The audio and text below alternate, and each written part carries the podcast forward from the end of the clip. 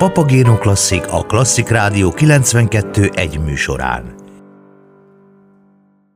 Balázs János Kossuth a művész kezdeményezésére 2017 óta minden évben átadják a Cifra Fesztivál díjait, amelyek célja, hogy a pályájuk elején járó tehetségeket, valamint a legnagyobb kulturális értékeket felmutató életműveket, emberi teljesítményeket mind erkölcsi elismeréssel, mind anyagi hozzájárulással honorálják. A Cifra György emlékévben június 9-én három kategóriában adta át a 2021 évi díjakat a szakmai zsűri elnöke, dr. Vég Andrea hárfaművész, a Liszt Ferenc Zeneművészeti Egyetem rektora, Liszt Díjas, érdemes művész, és Balázs János zongoraművész, a Cifra Fesztivál alapító művészeti vezetője a Momkultban. Az életműdíjat Konrád György Brácsa művész és Dráfi Kálmán Lizdíja zongoraművész egyetemi tanár kapta. Dráfi Kálmán a Zeneakadémia elvégzése mellett a moszkvai Csajkovszki konzervatóriumban és Fischer Anninál folytatta tanulmányait, DLA fokozatát 2002-ben szerezte meg. Az Országos Filharmónia ösztöndíjasa, majd szólistája volt 1975-től két évtizeden át. Valamennyi jelentős magyarországi szimfonikus zenekarral fellépett, Európa szerte nagy sikerrel koncertezett, játszott többek között a Leningrád és a bosztoni filharmonikusokkal. 1977-től folyamatosan tanít a Liszt Ferenc Zeneművészeti Egyetemen, 2011-től a billentyűs és ütőhangszerek tanszéke megbízott vezetője, 2012-től pedig kinevezett tanszékvezetője volt. Tanítványai sorra nyerik a hazai és nemzetközi versenyeket. Dráfi Kálmántól interjúnk első részében azt is kérdeztem, mikor érezte először, hogy a zongora az ő hangszere ez már nagyon-nagyon korán. Én egy zenész családból származom, édesapám tánc és jazz hegedűs volt, a mi lakásunkon volt a próba az ő zenekarával, és én négy éves korom óta zongorázom. A hegedűt a kezembe adta édesapám, miután ő ugye hegedűs volt, hát az katasztrófa volt. Azt, azt, még, még azt se tudtam, hogy hol kell megfogni, és valami szörnyű, tehát ez eleve kiesett. Viszont volt egy pianino a lakásban, és onnantól kezdve nem volt kétség, én azon ott pötyögtem, és amikor hallottam őket próbálni, akkor le is pötyögtem pötyögtem minden kotta és minden egyéb nélkül a, azokat a dallamokat és zenéket. Na most aztán tíz évesen édesapám kint dolgozott NSK-ba sokat, és amikor én tíz éves voltam, ő hozott egy lemezt Cifra Györgytől, akkor még Magyarországon nem lehetett semmiféle felvételt se hallani, se venni Cifrától, hiszen ő 56-ban diszidált, kiment, és fekete listán volt. Ezen a lemezen ő Liszt darabokat játszott, a mai napig megvan ez a lemezem, és ez lett az én zenei etalonom. Napon naponta órákon keresztül hallgattam, és hát itt vallásom lett. Most már így, így öreg fejjel tudom, hogy Doknányin keresztül Fischer Anni és Cifra képviselte ezt a zseniális utat, amit a liszti zongorázást vitte tovább. Az én számomra ugyanez a művészi és filozófiai hitvallás az, ami nagyon fontos, és én ezt próbálom tovább vinni, és Cifra zongorázásából ez jön ki. Tehát számomra Cifra gyakorlatilag a number one, a legfontosabb zenei etalom a mai napig.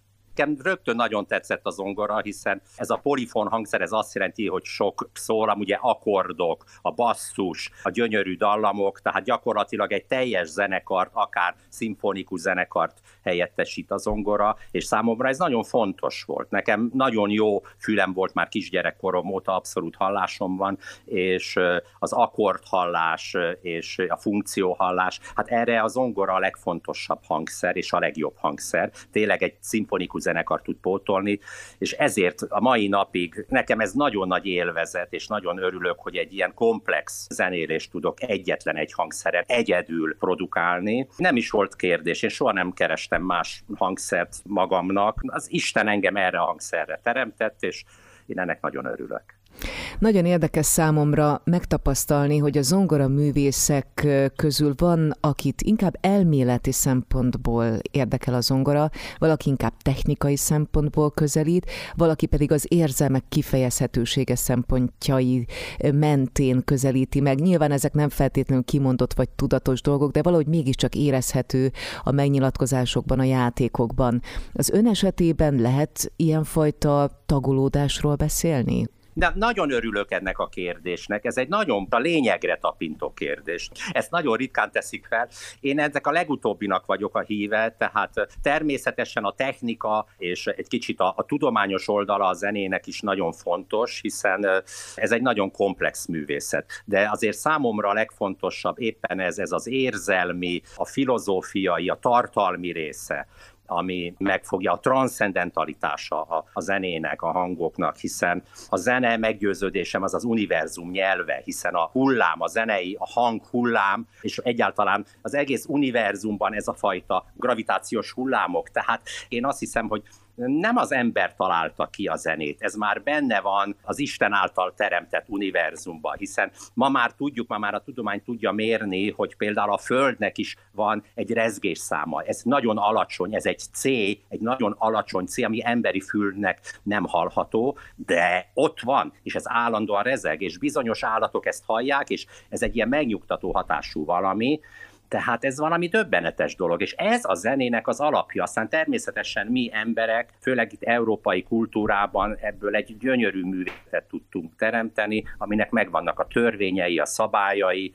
de a legfontosabb dolog az, hogy ez az érzelmekre, a hangulatra, a jó lélekre, az értékre és a kultúrára neveli azokat az embereket, akik hallgatják a zenét, a művészetet, és számomra a zenében ez a fontos, és én a saját zongorázásommal ezt szeretném közvetíteni az embereknek, és ez a legfontosabb része számomra. Most, hogy említette a transzcendens élményt, eszembe jutott egy nagyon érdekes cikk, amely azzal foglalkozott, hogy egy több évtizeddel, több évszázaddal ezelőtt lejegyzett kotta képes arra, hogy az ott összetömörített érzelmi energia akár mémek segítségével is átörökítődjön művészgenerációkon keresztül, úgy is, hogy ezek az emberek akár nincsenek semmilyen kapcsolatban egymással, de valahogy egy érzékeny művész rá tud hangolódni a zeneszerzőnek az ott megélt, akár sok évszázaddal ezelőtt is megélt gondolatiságára. Ez így van, ez egy nagyon érdekes dolog, és ez a kotta, ez egy nagy mágia, tudnélik. Ugye a kotta az egy papírlap, egy kétdimenziós papírlap, amire a zeneszerzők most már hosszú évszázadokon keresztül lejegyzik ezeket a zenéket, amiket ők gondolnak, és az interpretáló művész, aki én is egy ilyen művész vagyok, aki nem szerzi, aki nem alkotja a zenét, de interpretálja akár Bachot, akár Scarlattit, vagy Chopin, Beethoven, tehát hosszú évszázadok muzsikáját. Nekünk kötelező ezt a kétdimenziós kotta papírt háromdimenziós művészetté alakítani. Dráfi Kálmán Lizdi a zongoraművésszel egyetemi tanárral készült beszélgetésünk második részét hamarosan hallhatják itt a Papagéno Klasszikban, a Klasszik Rádió 92.1-en. Papagéno Klasszik kulturális programajánlók a hétre minden szombaton 10-től 12 óráig. Szórakoztató magazinműsor Hávarga Maria műsorvezetővel és érdekes beszélgetésekkel itt a Klasszik Rádió 92.1-en. Balázs János Kossuth Díja zongoraművész kezdeményezésére 2017 óta minden évben átadják a Cifra Fesztivál díjait, amelynek célja, hogy a pályájuk elején járó tehetségeket, valamint a legnagyobb kulturális értékeket felmutató életműveket, emberi teljesítményt, mind erkölcsi elismeréssel, mind anyagi hozzájárulással honorálják. A Cifra György emlékévben június 9-én Korrád György brácsaművész és Dráfi Kálmán Lizdíjas zongoraművész egyetemi tanár vehette át a fesztivál életműdíját. Interjúnk folytatásában arról is beszélgettünk, hogy mi az igazi missziója Dráfi Kálmánnak a tanítás területén, illetve amikor azt mondja, hogy a kotta kétdimenziós papírlap és a zeneszerzőt interpretáló művésznek az a dolga, hogy ezt háromdimenziós művészetté alakítsa, akkor mindez hogyan érhető el? Ez a tehetség része, ez nagyon sok tanulással jár, és természetesen a tehetség az, ami ezt indukálja, hogy háromdimenziósá átalakítani azt a művészi emberi gondolatot, amit egy másik ember valamikor az 1600-as vagy az 1800-as években leírt, vagyis nagyon-nagyon régen, és ez mégis aktuális a mai napig, most 2021-ben is az emberek számára, azoknak az emberek számára, akik szeretik a zenét, mert ugyanazok az érzelmek, ugyanazok a gondolatok töltötték be hosszú évszázadokon keresztül. Az emberi lélek, az emberi szív, az emberi agy legfontosabb bugyrait, amit ma az ember nem változik, a környezet természetesen, a tudomány, a társadalom, minden változik, de az emberi élet legfontosabb része a szeretet, a család, az egymáshoz való jó szándék és segítőkészség, azt hiszem ez örök, és én nagyon remélem, hogy ez viszi tovább minket, embereket még nagyon hosszú-hosszú évszázadok, évezredeken át, és ennek az egyik nagy-nagy segítőtársa éppen a muzsika és a művészet. Ugyanakkor az átadása mindannak, amit egy művész megélt, megtanult a saját pályája során nagyon fontos, és ön is tanít nagyon régóta, illetve mesterkurzusokat, vendégkurzusokat is tart.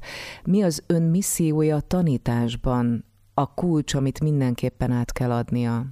Ez is egy összetett dolog. Én már egészen fiatal korom óta valóban tanítok. Hát 77-ben 22, még nem voltam 22 éves, amikor elkezdtem tanítani a Zenakadémián, de gyakorlatilag 17-18 évesen mestereim osztályában Rados tanár úrhoz bementem, vagy Becher tanár úrhoz, aki éppen egy másik növendéket tanított. Megkérdezték tőlem, hogy Kálmán, mit gondolsz erről? Mit kéne itt csinálni, hogy ez a fiú, ez a lány jobban megtalálja azt, ami a kottában megvan, és akkor én elmondtam, megmutattam, és működött, és ők is csodálkoztak, és ezek a gyerekek is, hogy jé, milyen hasznos tanácsokat tudok adni, és in, tulajdonképpen innen datálódik ez, hogy ez egy egészen másfajta tehetség. A pedagógia, más emberrel való foglalkozás, ez egy nagyon nehéz dolog. Ez kicsit olyan, mint a karmester, ami nem csak egy szakmai dolog, pszichológusnak kell lenni, hogy a zenekar tudja a karmester abba az irányba terelni, amit ő szeretne, és, és a zenekari tagok el is higgyék azt, amit a karmester akar mondani. Ugyanez van a pedagógiában, hogy egyrészt egy magas szintű szakmai tudásra van szükség, természetesen az embernek ismernie kell a darabokat, és egy pszichológus, a jó tanár, nekem meggyőződésem, aki meg tudja győzni azt a fiatalabb művész palántát, hogy ő képes arra, hogy megcsinálja ezt a számára még nagyon nehéz művészi feladatot, és ő erre alkalmas és képes. Az a jó tanár, aki erre alkalmas. Na most én úgy érzem, hogy nekem a, a legfontosabb pedagógiai képességem éppen ez, hogy valahol ez a fajta rábeszélés, a jó irányba való beszélés, az ember barátja is a növendékeinek, segítőtársa, tanácsokkal látja el. Az életben is szinte minden növendékem elmeséli a legfontosabb problémáját, baját. Ezek mind beletartoznak ebbe a pedagógiai munkásságba, és természetesen egy nagyon mély, nagyon komoly szakmai munka folyik, mind technikailag, mint művészileg, a stílusokban nagyon otthon kell lenni a növendékeknek, egyre inkább ebbe az irányba is ugye természetesen kell a tanárnak őket. A technikát állandóan képezni kell. Ez egy olyan szakma egyébként, a komoly zene és és a komoly zenével kapcsolatos hangszerek, aminek sosincs vége.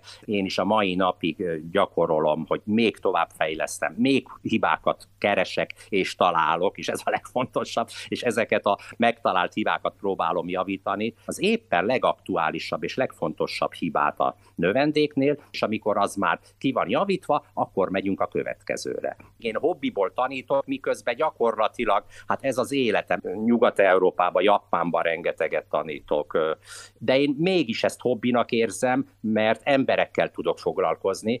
A zongorázás az a legmagányosabb szakma a világon. Ugye a zongorista egyedül ül a zongorája mellett, senki más nincs ott. Természetesen vannak kamarazenék, amiket az ember játszik hegedűvel, énekkel és egyéb hangszerekkel, de azért a gyakorlás az egyedül folyik. Éppen ezért nagyon fontos, hogy a tanításban viszont emberekkel foglalkozunk. Ez nekem nagyon fontos. Ott találkozok azokkal a problémákkal, amik, amik minnyájunkban benne vannak, és ennek a javítása, érlelése egy nagyon fontos dolog. Úgyhogy ez a, ez a magányos zongorista pálya, ez nagyszerűen kiegészíti a pedagógusi, a tanári pályának ez a társadalmi oldala is. Dráfi Kálmán Lizdi a zongoraművésszel egyetemi tanárral beszélgettem annak okán, hogy a Cifra György emlékévben június 9-én Konrád György Brácsa művész mellett ő is átvehette a fesztivál életműdíját.